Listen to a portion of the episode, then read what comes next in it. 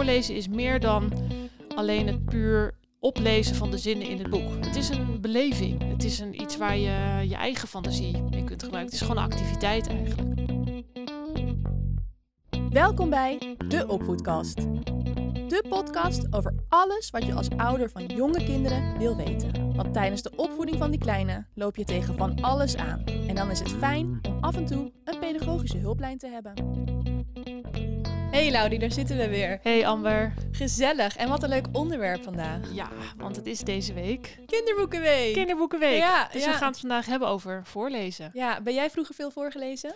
Eh, ja, zeker. Ja, ik, eh, er waren bij ons best veel boeken in huis. En ik werd veel voorgelezen. En ik ben zelf, en ik weet niet of dat daardoor komt, maar ik was zelf ook behoorlijk een lezer. Ik, ik hield heel erg van lezen, nog steeds eigenlijk. Ik ben nog steeds een lezer. Eh, ik hou heel erg van boeken. Dus dit onderwerp gaat me ook echt aan het hart. Ik vind het heel leuk om het hierover te hebben met jou. En, en jij, ben jij voorgelezen? Ja, ook heel veel. En ik had ook echt wel een paar favoriete boeken. Eh, mijn eh, moeder die las altijd voor uit Het Beest met de achternaam. Dat, was, dat hebben we nog steeds en dat is helemaal uit elkaar gevallen inmiddels. Maar dat is echt het boek wat mijn moeder altijd las. en mijn leuk. vader die las ehm, ja, ook al uit andere boeken. Maar wat ik me het meest herinner is, eh, wij gaan op berenjacht. En dan Ja. maakte hij dan zo'n heel toneelstukje van. Ja. Geweldig. Dat boek leent zich echt enorm voor, voor een goede dramatische vertelling. Met al die geluiden. Fantastisch. En we hebben weer luisteraarsvragen vandaag. Mhm. Met net allemaal even verschillende invalshoeken. Mhm. Zullen we gewoon gelijk naar de eerste gaan? Ja, kom maar op. Ja, dit is, eh, deze is ingestuurd door een vader. En die zegt: Ik hou eigenlijk zelf helemaal niet van lezen. eh, maar die weet of die heeft wel begrepen dat voorlezen heel erg belangrijk is voor de ontwikkeling van zijn kind. Of kinderen, dat weet ik eigenlijk niet. Ehm, en hij vraagt: ja, Is dat nou echt zo belangrijk en waarom? En als ik het zelf niet leuk vind, hoe kan ik er dan toch voor zorgen dat, het, dat ik het ook een beetje leuk ga vinden om dan dus voor te lezen? Hmm. Ja, oké. Ja, nou ja, is dat nou echt zo belangrijk? Ja, daar kan ik kort en bondig over zijn. kan jij denk ik mij in ondersteunen. Het voorlezen is echt heel belangrijk. Ja, Voor de ontwikkeling van kinderen, waarom dan? zowel voor jongere kinderen als voor oudere kinderen. En waarom dan? Nou, de eerste vrij makkelijk te leggen link is de taalontwikkeling van kinderen. Want er is een hele sterke relatie tussen eh, voorlezen, voorgelezen worden en de taalontwikkeling van kinderen op een latere leeftijd en ook het taalbegrip. Daar zijn verschillende onderzoeken naar gedaan. En wat opvallend is, is dat ehm, ook uit onderzoek blijkt dat ouders vaak best laat beginnen met voorlezen. Zeg als hun kind twee of drie jaar oud is, omdat zij denken dat hun kind rond die leeftijd pas taalbegrip heeft. Ja, dan beginnen kinderen vaak echt goed te praten. En, Ja, eh, dan is er interactie, want dan reageert het kind op het boek Ja. of die zegt iets terug. Dus dan denken ouders, ah, dan is dat de tijd om te gaan voorlezen. En dat is niet zo. De babyleeftijd is bij uitstek eigenlijk al een heel goed moment om te beginnen met voorlezen. Ja, juist om dan al die taalontwikkeling te stimuleren. Ja, want ehm, er is zoiets als passief en actief taalgebruik. Ik kan me herinneren dat we dit eerder in een podcast ook een keer besproken hebben. Maar het verschil daarin is dat passief taalgebruik en passieve taalontwikkeling, dat, dat is een soort voorfase van het praten. Dus dat is een fase waarin het kind zelf nog niet echt woorden spreekt of dingen zegt, maar al heel veel begrijpt. Dus Ja. wat wij ook zo benadrukken altijd, praat Iedere tegen je baby. weer. Praat Kinderen tegen je baby, want je- kinderen begrijpen al zoveel. Geldt dus ook voor voorlezen. En eh, dus wacht niet totdat je kind eh, zelf woorden zegt met, met, met voorlezen, maar begin daar al veel eerder mee. Want je Ja. kind zuigt het allemaal op als een spons. Jij zei dit is de eerste reden. Wat zijn nog meer redenen waarvoor lezen goed voor is? De hechting tussen ouder en kind wordt ook heel erg versterkt op momenten als voorlezen. Want het is echt een, ja, een momentje tussen jullie samen. Ja, echt even quality time, Ja. intiem moment. Het is warm, het is rustig, want je zit samen op een comfortabele plek. Je zit dicht tegen elkaar aan. Eh, het is echt een heel mooi contactmoment. En daarnaast kan voorlezen ook nog ontzettend bijdragen aan het bespreekbaar maken van bepaalde thema's. Dus dat is meer op het gebied van sociaal-emotionele ontwikkeling. Je hebt bijvoorbeeld boekjes die gaan over emoties als verdriet of angst. En dat zijn emoties die een peuter al meer gaat herkennen eh, en ook meer bewust voelt. Dus een boek geeft dan een hele mooie aanleiding om over zo'n thema te praten. Ja. ja, sluit ook een beetje aan bij de vorige aflevering. Toen noemden we ook al dat een boek dan een mooi eh, voorzetje kan zijn om het gesprek over zo'n onderwerp te openen. Ja, absoluut. Als voorlezen dan zo goed is voor de ontwikkeling van kinderen, moet je dan nog op een bepaalde manier voorlezen? Wat is nou eigenlijk echt goed voorlezen? Hoe doe je dat op een goede manier? Hmm, goeie vraag. Nou, heb ik wel een aantal tips voor. En ik denk dat het ook kan helpen om het voorlezen ook leuker te maken. Want voorlezen is meer dan alleen het puur oplezen van de zinnen in het boek. Het is een beleving. Het is een, iets waar je je eigen fantasie mee kunt gebruiken. Het is gewoon een activiteit eigenlijk. Ja. Ehm, dus je kunt al beginnen, bij wijze van spreken, bij de kaft. Dus bespreek met je kind, nou, wat zie je op de kaft? Waar zal het verhaal over gaan? Met een tweejarige is dat overigens nog iets te hoog gegrepen, maar met iets oudere kinderen kun je dat doen. Ja, maar dan kun je, je kunt al wel vast het plaatje gaan bekijken samen en Ja. omschrijven. Ja, en wat dingetjes aanwijzen, wat Ja. zie je daar? Nou, dat kun je al doen voordat je überhaupt begint aan de daadwerkelijke inhoud van het boek.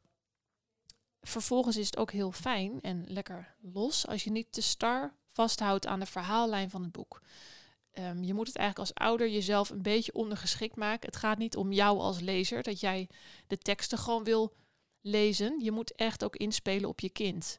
Het Ja. voorlezen is een interactieve activiteit. Dus als jouw kind vragen wil stellen of die ziet iets wat hij herkent en hij wil dat aanwijzen, las een pauze in en ga Ja. in op wat je kind daarover wil zeggen. Ik heb het op de groep ook wel eens gehad dat kinderen dan al heel graag de volgende bladzijde wilden omslaan. eh, om al verder te gaan. Ga daar gewoon in mee. Precies. Je, kunt, je moet proberen niet te star te zijn. En ja, maar zo verloopt het verhaal. Als het geduld er even niet meer is, of je kind die is zo nieuwsgierig en die bladert inderdaad al door, nou dan pas je het verhaal een beetje aan. Dus het, het vereist ook wel wat, wat creativiteit en vindingrijkheid van jou als ouder.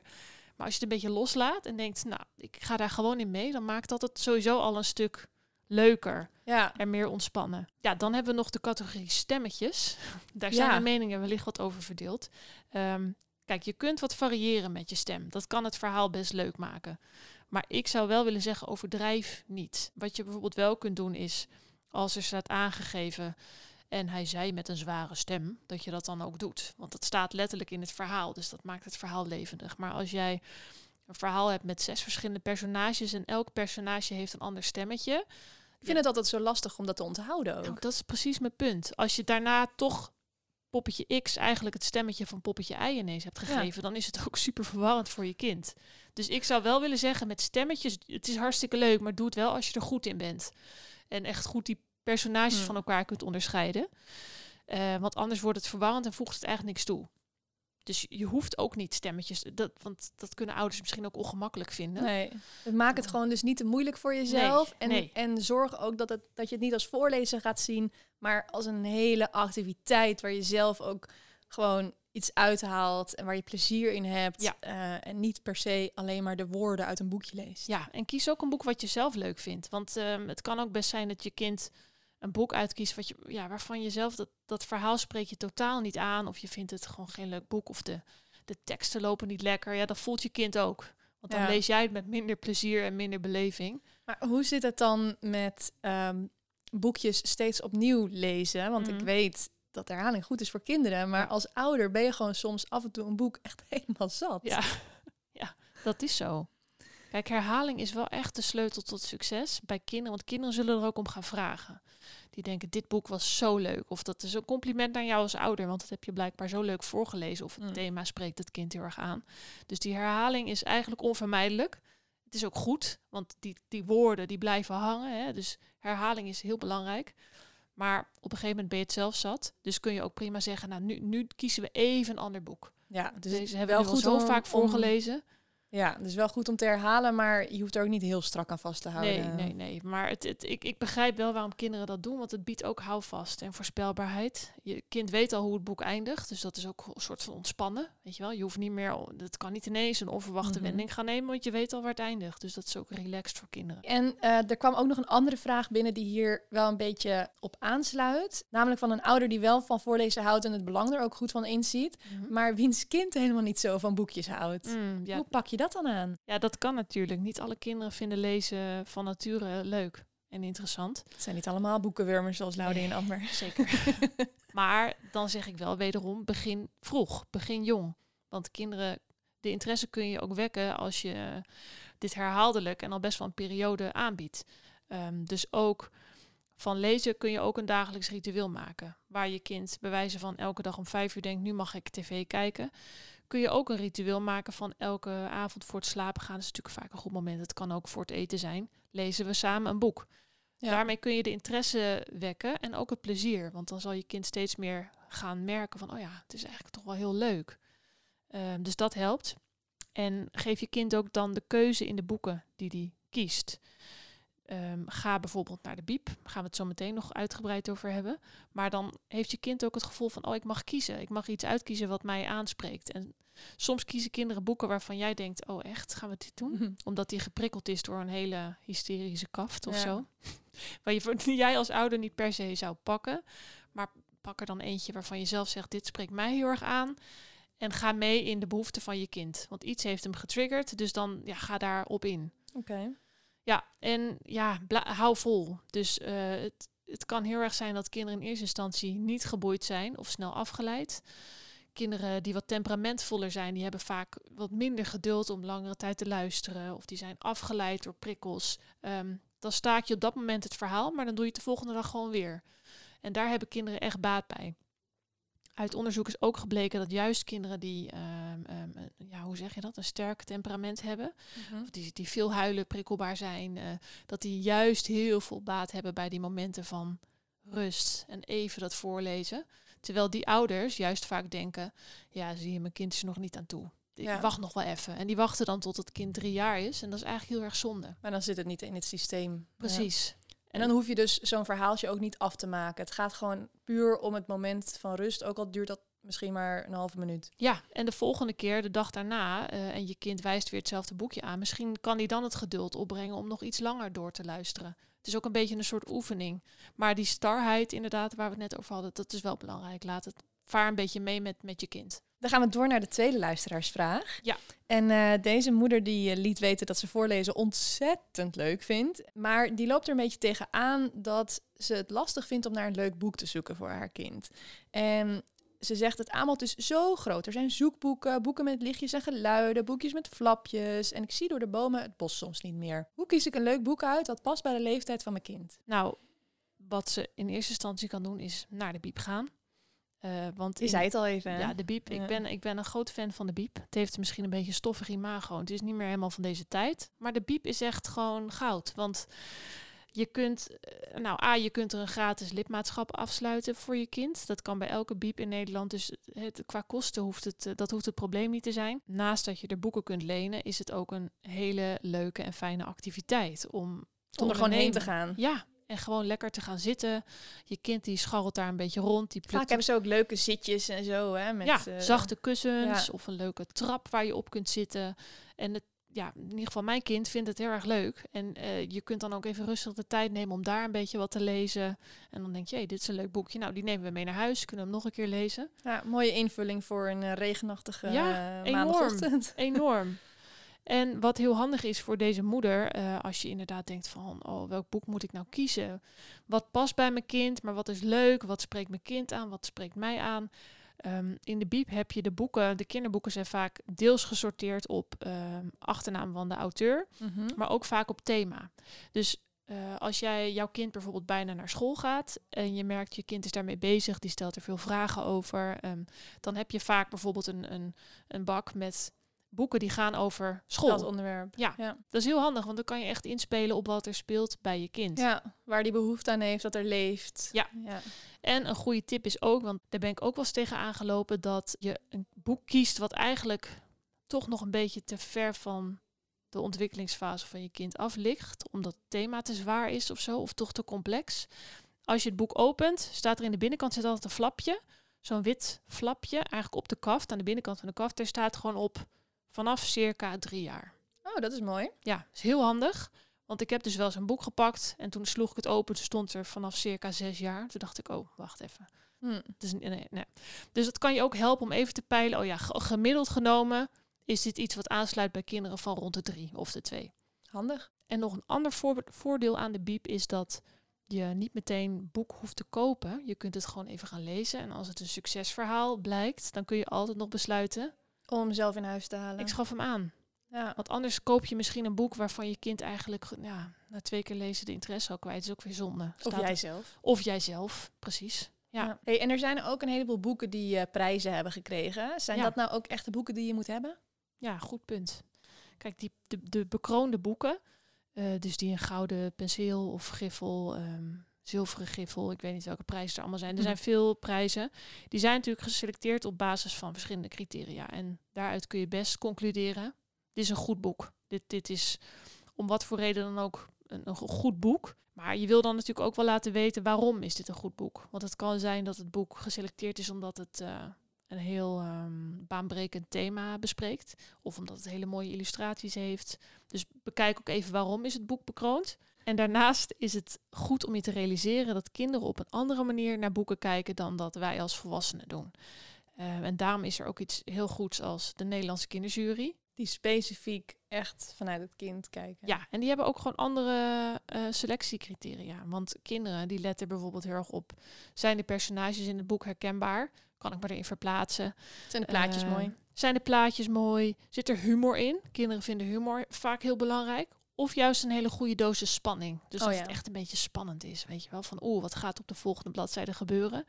Ehm, ik heb ook een boek nu thuis. Die had mijn zoon ook uitgekozen. Dat is echt een hit. Die heet De Ridder zonder billen.